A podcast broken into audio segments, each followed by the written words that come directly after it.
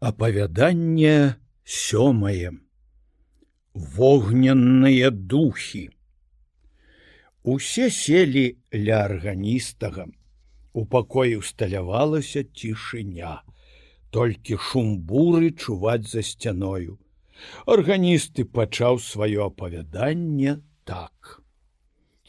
Адзін малады чалавек Альберт, добра выхаваны і адораны прыродай прыгожым абліччам, атрымаў спадчыну ад бацькоў некалькі тысяч талераў. Не задумваўся, што грошы лёгка страціць, а набыць цяжка, не ашчаджаў, што меў, любіў гульні ды забавы і зразумеў нарэшце, што ўжо яго скарбонка як цела без душы і сябры якіх раней было шмат зніклі. Мальвіна яго каханая нарадзілася і вырасла ў горадзе ведала свет і згаджалася з агульнай думкаю кабет што сэрца можна аддаць таму да каго мімаволі цягнецца душа.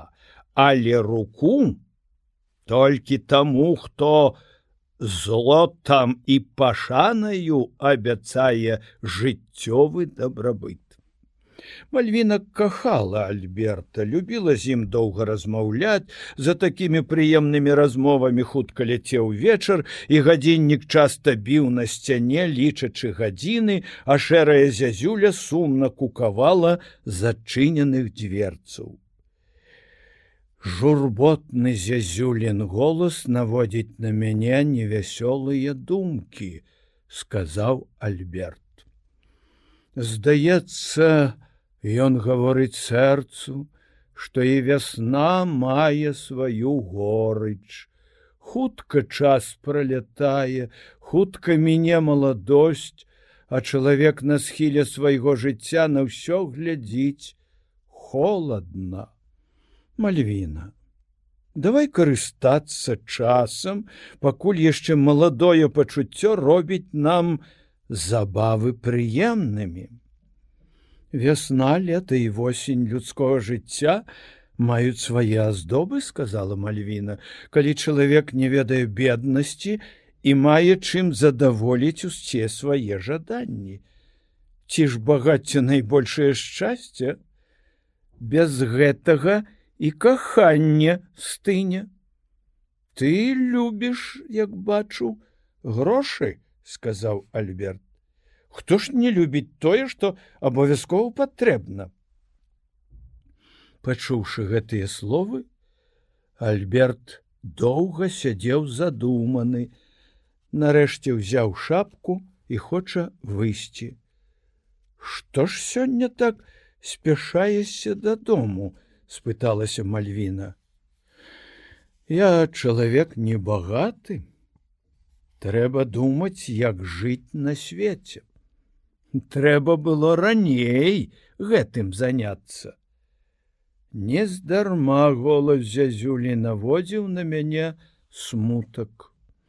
Яна мне нешта напрарочыла.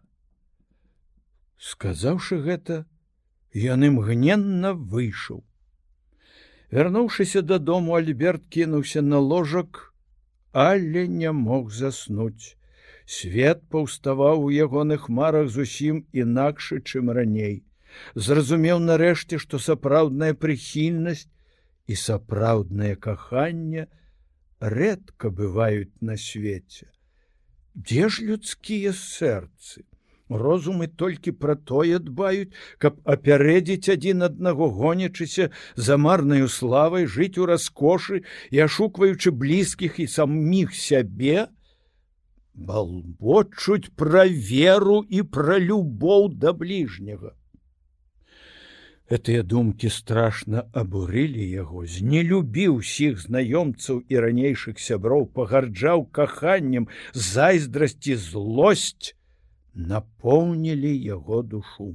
Назаўтра Альберт захоплены страшнаю думкай ухадзіў самотны па полі. Нарэшце трапіў густы лес. Там, блукаючы ў ценю высокіх ялін, ад цяжкага смутку прыйшоў да роспачы. Калі ёсць злы дух, сказаў сам сабе, што абагачае людзей, які б дапамог мне хоць на кароткі час, я пакланюся яму цяпер. Ледзь ён гэта сказаў, бачыць перад сабою. Нехта сядзіць под дрэвам, На спарахнялым пні велізарнага росту, нос доўгі востры твар шчуплы румяны, барада і валасы на галаве чырвонага колеру, вопратка хоць і злінялая, аднак адсвечвала яшчэ чырвонаю фарбаю, з трывогаю пазіраючы на яго Альберт застыў маўчанні. Убачыў твой смутак, сказаў незнаёмы і гатовы табе дапамагчы. Чаго хочаш? Лепшага жыцця? Пакутаю ад нэнзы і сябры мне здрадзілі. Пакланіся цямры, і дух агню будзе табе служыць, верне табе золата і сяброў. Будь хітры і празорлівы, бо слабасць характару згубіць цябе. Што трэба зрабіць, каб дух служыў мне? Слухай і адразу выконвай мае парады. Здабудь кроплю крыві са свайго пальца. Альберт здабывае кроў з пальца. Яна адна. Адна кропля, сказаў незнаёмы, напоўніць вужаку атрутай. Дык ідзі цяпер з гэтаю крывёю. Выходзячы з лесу узыдзеш на гару, там поўзае вужака, якая хацела ўкусіць дзіця, але перапалоханая крыкам маці страціла атруту. І цяпер выгнаная іншымі гадамі блукае адна. Пазнаеш яе лёгка. Жоўты хвост значыць адсутнасць сіл. Дай лізнуць ёй кроплю твае крыві. У момант займее атруту і сіл набярэцца, А потым ідзі за ёй, яна дасць табе сваю мудрасць і багацце. У кожнай скрынцы агню бачыш духа, а слугою тваім будзе нейкі трон. На кожны твой кліч ён народзіцца з полымя казаўшы гэта, незнаёмы ўстаў, пайшоў гушчар лесу і знік з вачэй. Праз дзікія бары ідзе Альберт у той бок, куды яму паказаў незнаёмы. Выйшаў з-пад лесных шатаў, калі быў самы поўдзень, узышоў на вяршыню пясчаныя гары, сустракае велізарную вужаку з жоўтым хвастом, якая убачыўшы чалавека не мела сілы ўцякаць, а толькі падняўшы галаву пазірала вогненнымі вачыма. Альберт на бярозавым лістку паднёс ёй кроплю свае крыві. Вужака праглынула, І адразу пачала знікаць жоўтая масць на ёй, а праз паўгадзіны яна і зусім акрыяла. Вылекаваная вужака пакінула гару, паўзе па хмызах і верасю, всё далей далей паглыбляючыся ў лес, і Альберт ідзе за ёю хуткай ступою. Калі на захадзе тухла сонца і пачало вечарэць, Ён убачыў між драў вялікі палац, дзе ў кожным акне было відаць святло запаленых агнёў. Вужаках хутка веючыся па прыступках, трапіла ў вялікую залу гасцёўню, а з ёю і Альберт. Там сталы застаўлены ежаю і віном, чуваць чароўная музыка, люстэркі, карціны на сценах у залатых каштоўных асадах. Доўга дзівіўся Альберт на загадкавыя дзівосы, разглядаючы усялякія аздобы гэтага палаца. Пачуўся голас, які запрашаў яго сесці пры стале есці і піць, бо ўсё дзеля яго прыгатавана. Пасля вячэры з'явілася перад альбертам вужака, трымаючы ў роце залаты дукат. Яна высока падняла галаву, каб аддаць яго госцю, Альберт узяў, На тым дукаце з аднаго боку выбіта полымя, а з другога карона і выява гадзюкі. Калі задумліва пазіраў на дукат, зноў пачуў голас: « Пакуль маеш яго, будзеш мець золата столькі, колькі захочаш. Вужака знікла, і ён адзін застаўся ў гасцёўні. Успомніў параду незнаёмага, якога сустрэў у лесе, і, гледзячы на язычок свечкі, што стаяла на стале, паклікаў: « Нікітрон! Полымя свечкі ўсё вышэй і вышэй падымаецца ў гору. І тут з яго ўзнікае, высокая лёгкая і гнуткая чалавечая постаць саскоквае на подлогу і вось ужо стаў перад ім чалавек у пунцовай вопратцы. Якія ў пана будуць загады? спытаўся дух хачу імгненна вярнуцца да хаты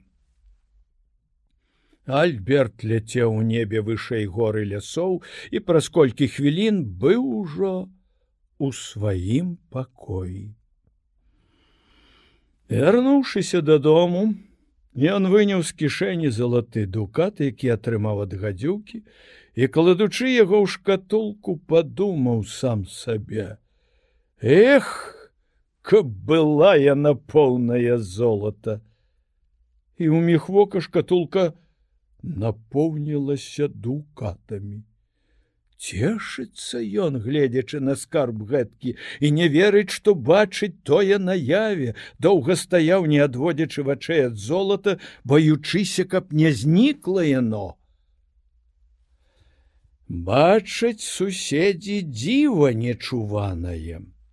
Альберт купляе найдаражэйшыя люстры, гадзіннікі, дом яго свеціцца золатам і срэбрам, коні і кареты шыкоўныя, лёкай у дарагіх ліўрэях, быццам меў ён маёнтак з некалькімі тысячамі душ, запрашае да сябе гасцей, дае балі, найдаражэйшых вінаў яго невычэрпная крыніца. Мальвіна, чуючы пра гэтую неспадзяваную перамену лёсу, дзівіцца, як і іншыя. Адкуль узяліся ў яго такія вялікія грошы. Доўга спадзявалася, што ён можа калі наведае яе. Прамінула колькі месяцаў не прыязджае. Перамяніўся ўжо дарэмна чакаць. У яго душы цяпер толькі адна пыха. Прыйшла восень доўгія вечары, Альберт стомлены забавамі, у якіх доўга бавіў час з гуртам лісліўцаў, вырашыў застацца дома адзін. Сухія бярозавыя дровы гарэлі ў печ, настольны гадзіннік іграў мелодыю, за сцяною шумеў восеньскі ветер, Ён сеў перад агнём, і гледзячы на яго аддаўся марам. Думаў пра сваё мінулае пра няўдзячнасці здраду сяброў якія некалі кінулі яго убачыўшы што ён зазнаў няшчасця і роспачы. Калі так пераходзіў ад аднае думкі да другое успомніў мальвіну памяць ярко малявала яму прыемныя з ёю забавы да позняе ночы. І той апошні вечар, калі бой гадзінніка з зязюляй стаў пачаткам тае размовы, што давяла яго да невыноснае роспачы. Гэтыя ўспаміны абудзілі ў яго сэрцы рэшткі забытага кахання і прыйшло жаданне абавязкова убачыць мальвіну. Ужо вырашыў быў ехаць да яе, але крыху падумаўшы, о не кажа, яна любіць багацце, А я цяпер багаты і ўладар яе пачуццяў. Не буду зневажаць сябе сёння так, як некалі. Я кіну ёй багаты прэзент, яна сама адразу з'явіцца ў маім доме. Сказаўшы гэта паклікаў, гледзячы на полымя нікі трон. Бярозавыя дрэвы стрэлілі быццам з пісталета, вугельчык вылятае з печы, круціцца па падлозе, расце ўсё больш і больш уздымаецца ў гору, ператвараецца ў чалавечую постаць. І вось стаіць перад ім вялізны мурын слухаю загад сказаў ён гледзячы на альберта вогненным позіркам не хачу бачыць цябе ў такім чорным і страшным абліччы сказаў альберт верніся в агонь і выкупаўшыся ў белым полымі з'явіся да мяне з белым тварам з лагоднейшымі вачыма і ў пекным абліччы маладога чалавека Мурын, як клуб дыму, кінуўся ў печ, праз колькі хвілін адтуль вылецеў язык полымі, з якога ў момант утварыўся юнак і стоячы чакаў загаду.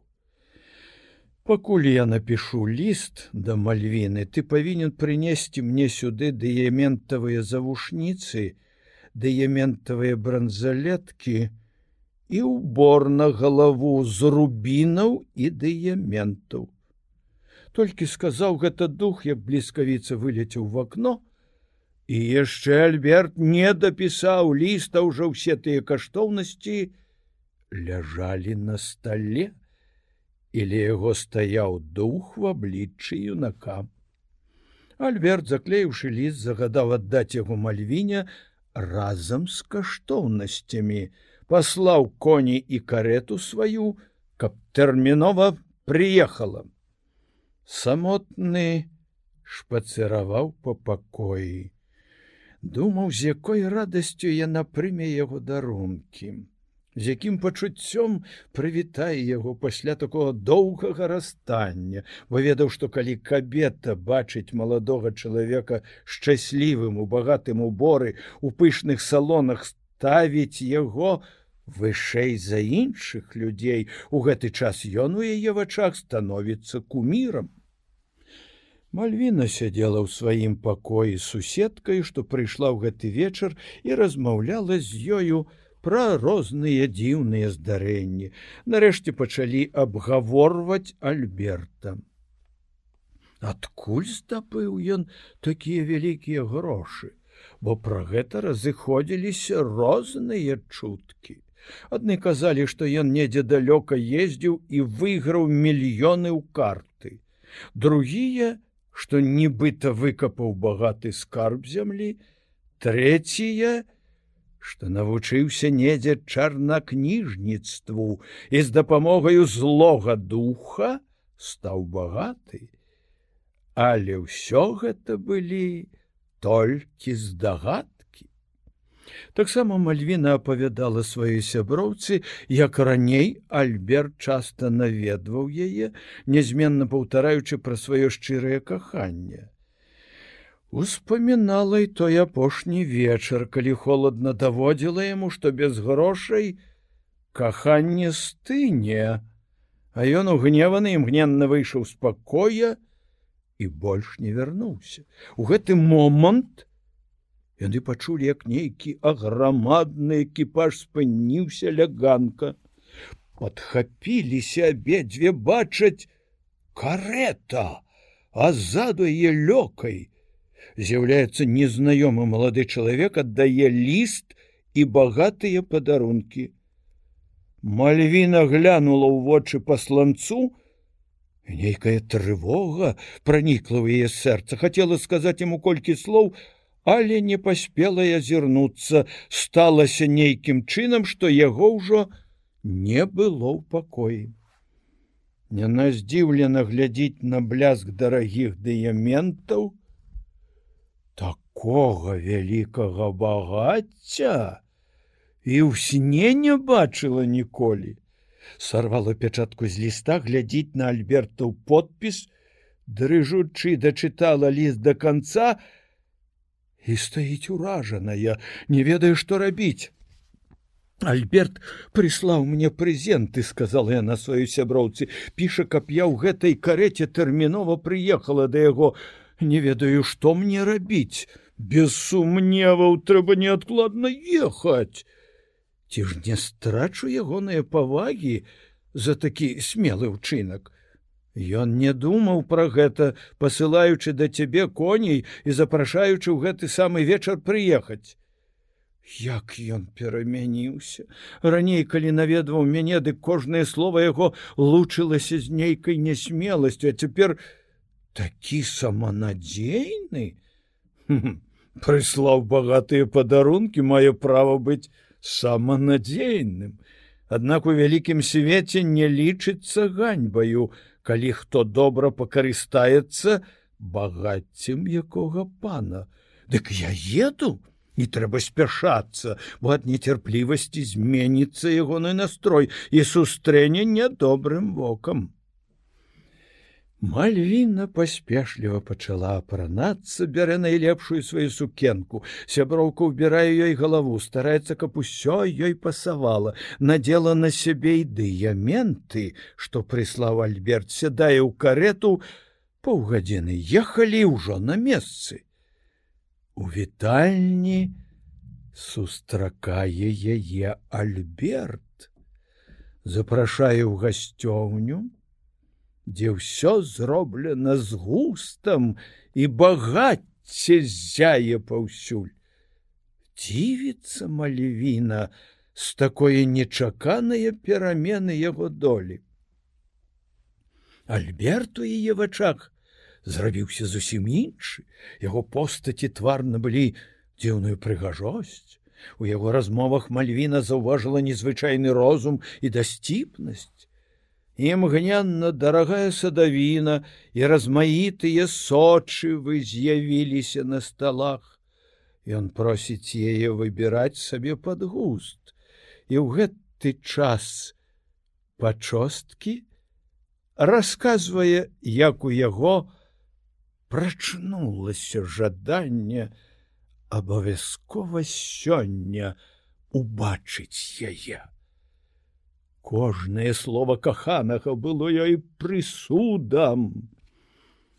Ці ўспамінала ты хоць калі пра мяне спытаўся Альберт. Стае пары як мы апошні разбачыліся як жа не ўспамінаць калі пра тваё шчасце ва ўсіх дамах штодня гавораць? А что гавораць? Рознае, а, але нічога пэўнага. Няхай людзі мучаць сабе галовы. Я ж скажу толькі, што забагацеў, не крыўдзячы блізкіх, і я не чула, каб каго-небудзь Альберт пакрыўдзіў. Застаючыся ў пакоі адны, яны размаўлялі, прыгадваючы ўсё тое, што было між імі раней. Гадзіннік на сцяне зайграў мелодыю і ўжо прабіла поўнач. Ці хочаш мальвіна, сказаў Альберт, убачыць мой хатні тэатр. Хто ж будзе іграць у тэатры, калі нас толькі двое. Маю актораў, зачыненых у шкатулцы. Ураз усе з'явяцца перад табою. Ці не будзе толькі чаго страшнага, злітуйся, не палохай мяне, цяпер якраз поўнач. Думаеш, я такі жорсткі, што магу жартаваць з твае палахлівасці?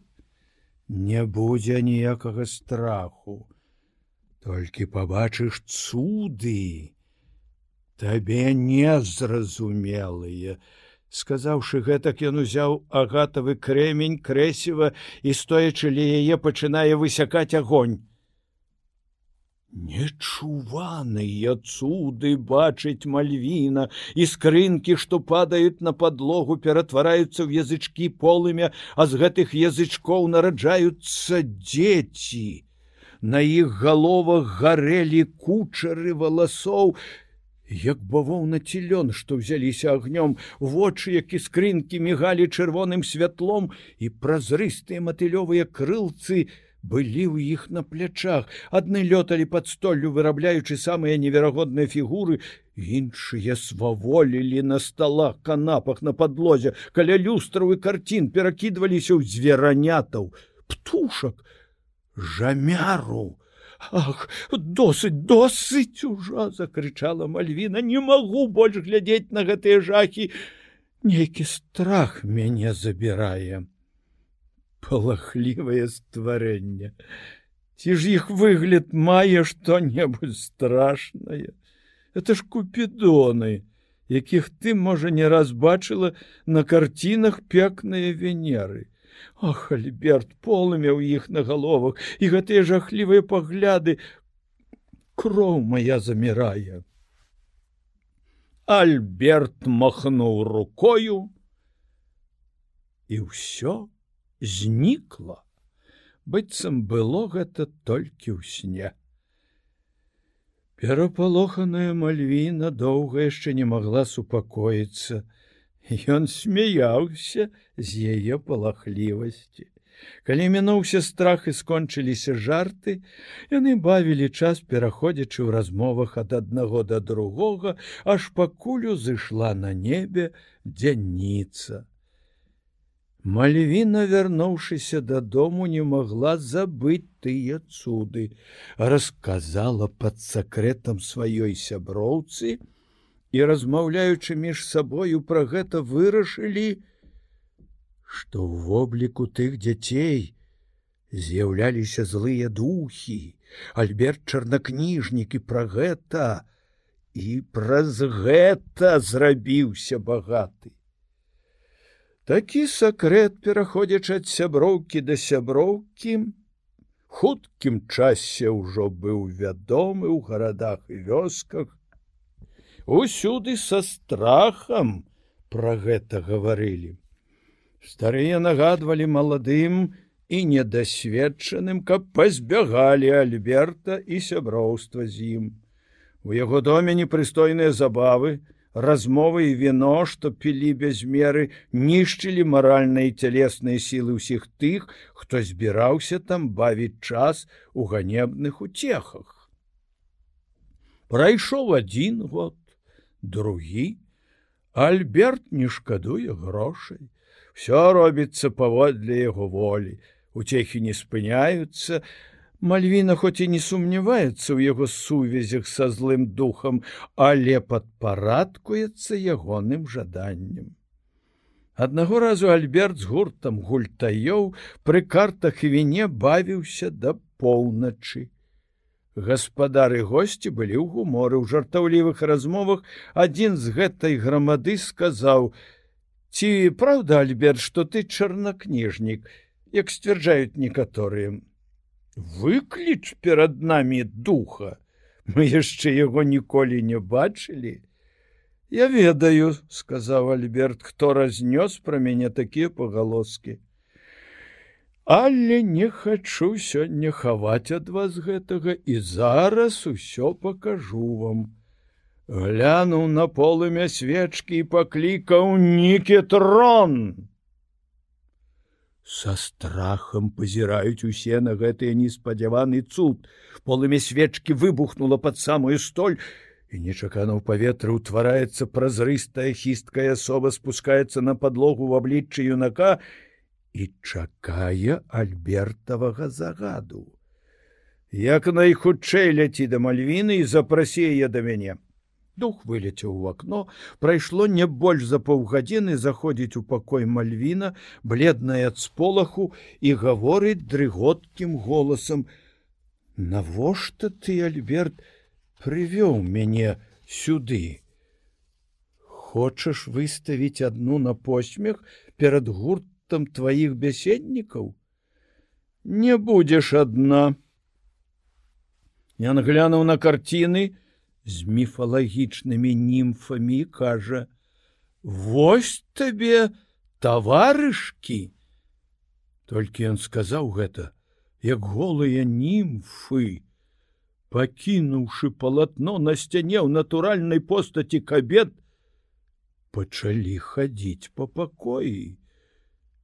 Все знерухомілі, са страхам паглядаючы на гэтыя цуды. Перапалоханая мальвіна закрычала жудасным голасам і ўпала непрытомная на подлогу. Нікітрон! паклікаў Альберт. З'явіўся дух і Альберт загадаў яму аднесці мальвіну да хаты, дзе яна праз колькі хвілін адчулася, лежачы на ложку ў сваім пакоі і дрыжала ўспамінаючы тыя страхотныя праявы. Суседзям, таварышам і ўсім знаёмым было ўжо вядома, што Альберт страшны чарнакніжнік. Бацькі сваякі сябры напамінамі стрымлівалі моладзь, каб яна не мела з ім аніякіх дачыненняў. Шляхетныя людзі стараліся рознымі спосабамі выбавіць яго шаленства і павярнуць да цнатлівага і пабожнага жыцця. Дарэмныя парады і напаміны. У багатым альбертавым доме, штодня поўна бязбожнае і распуснае моладзі.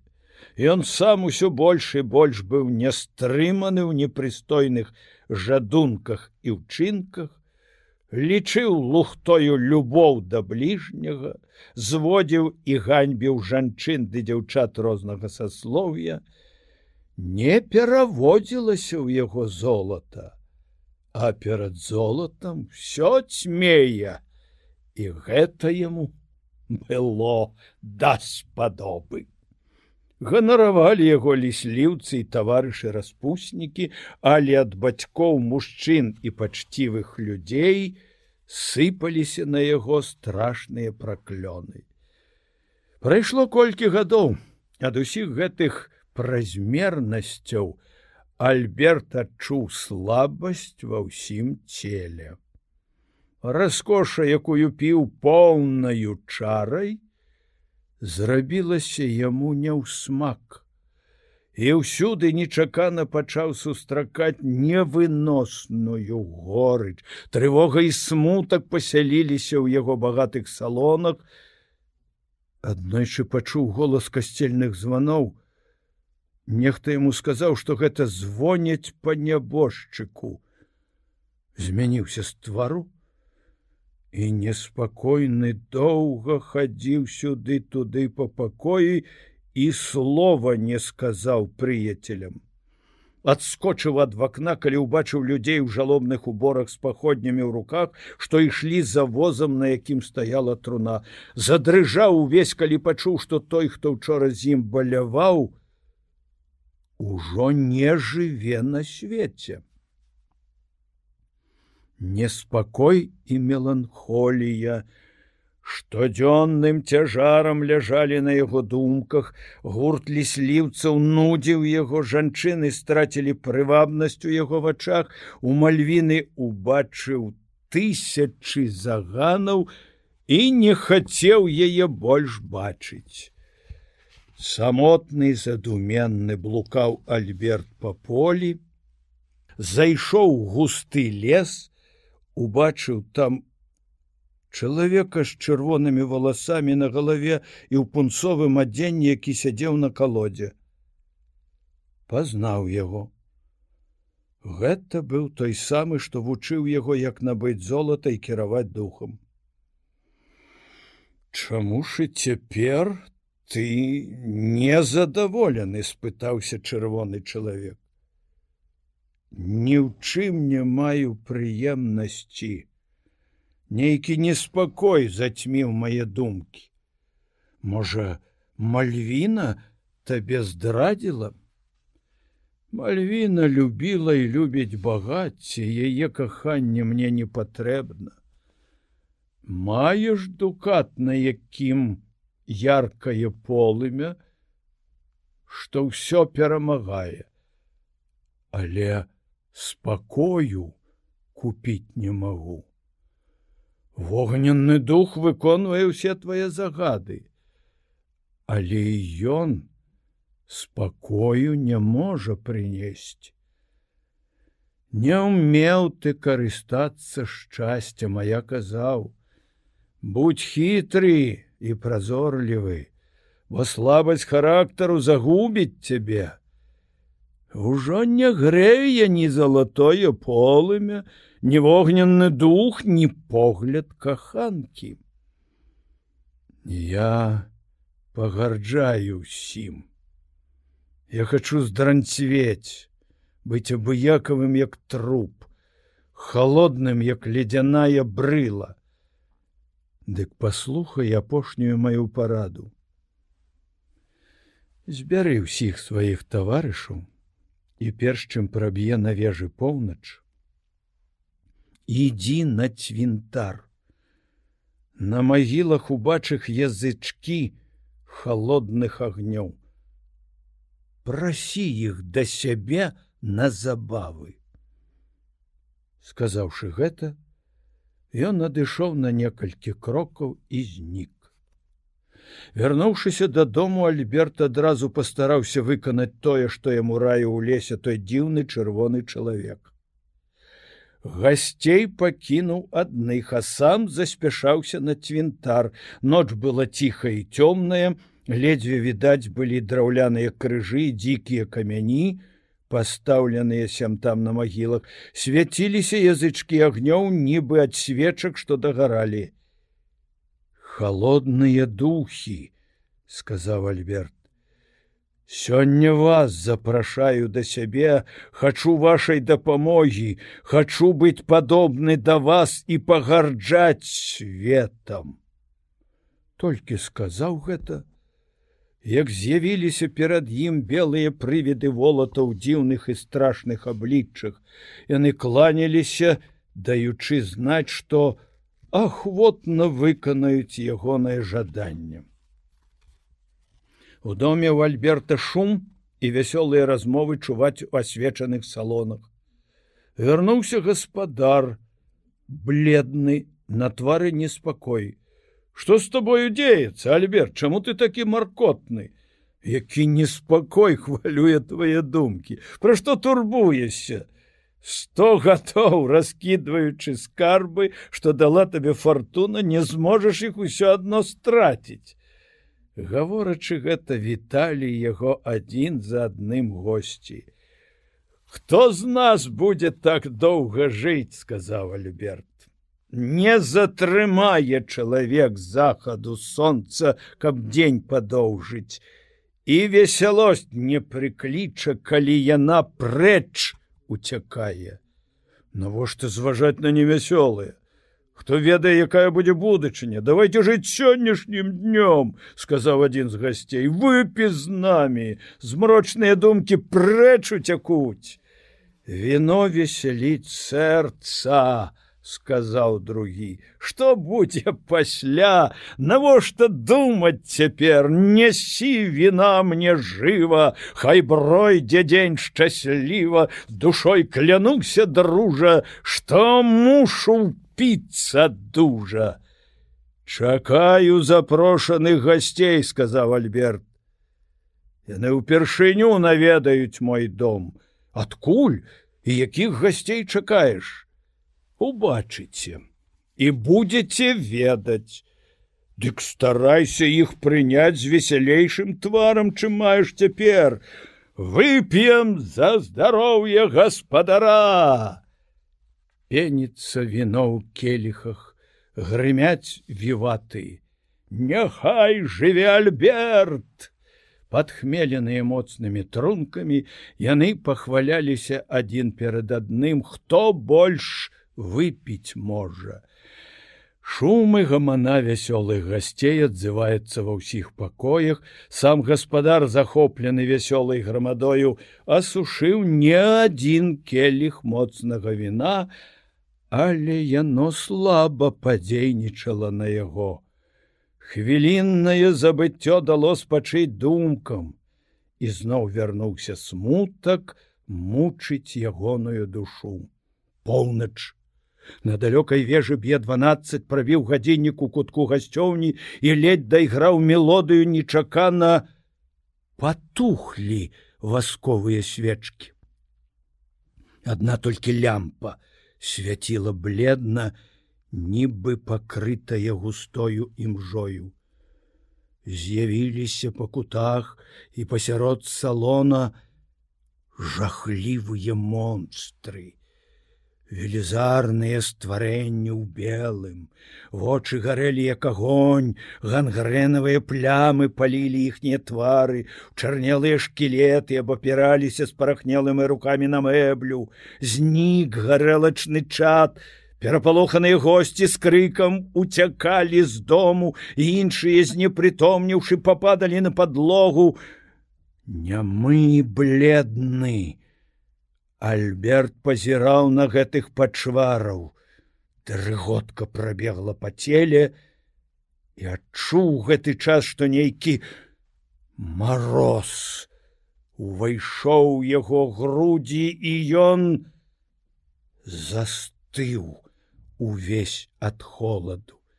Зніклі гэтыя страшныя монстры, апрытомнілі перапалоханыя бяседнікі, але не вярнулася цяпло, каб сагрэць Альберта, увесь быў холодны, як кавалак золата.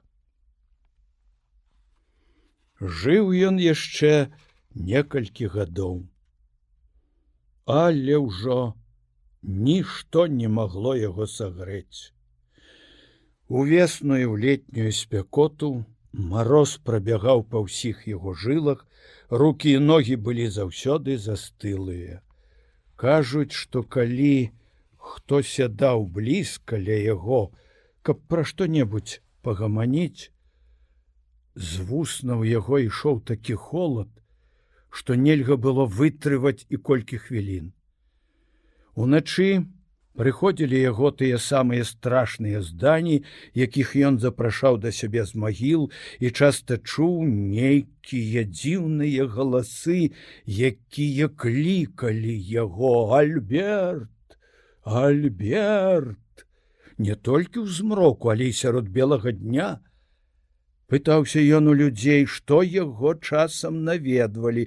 Ці не чуе хто-небудзь з іх галасы што клічуць яго па імені усе са здзіўленнем адказвалі што не чуюць а ніякіх галасоў абазнаныя ў сваёй справе медыкі прывезеныя з далёкіх краёў параіўшыся прызначалі яму размаітыя лекі але руплівасці веды дактароў не маглі яму дапамагчы.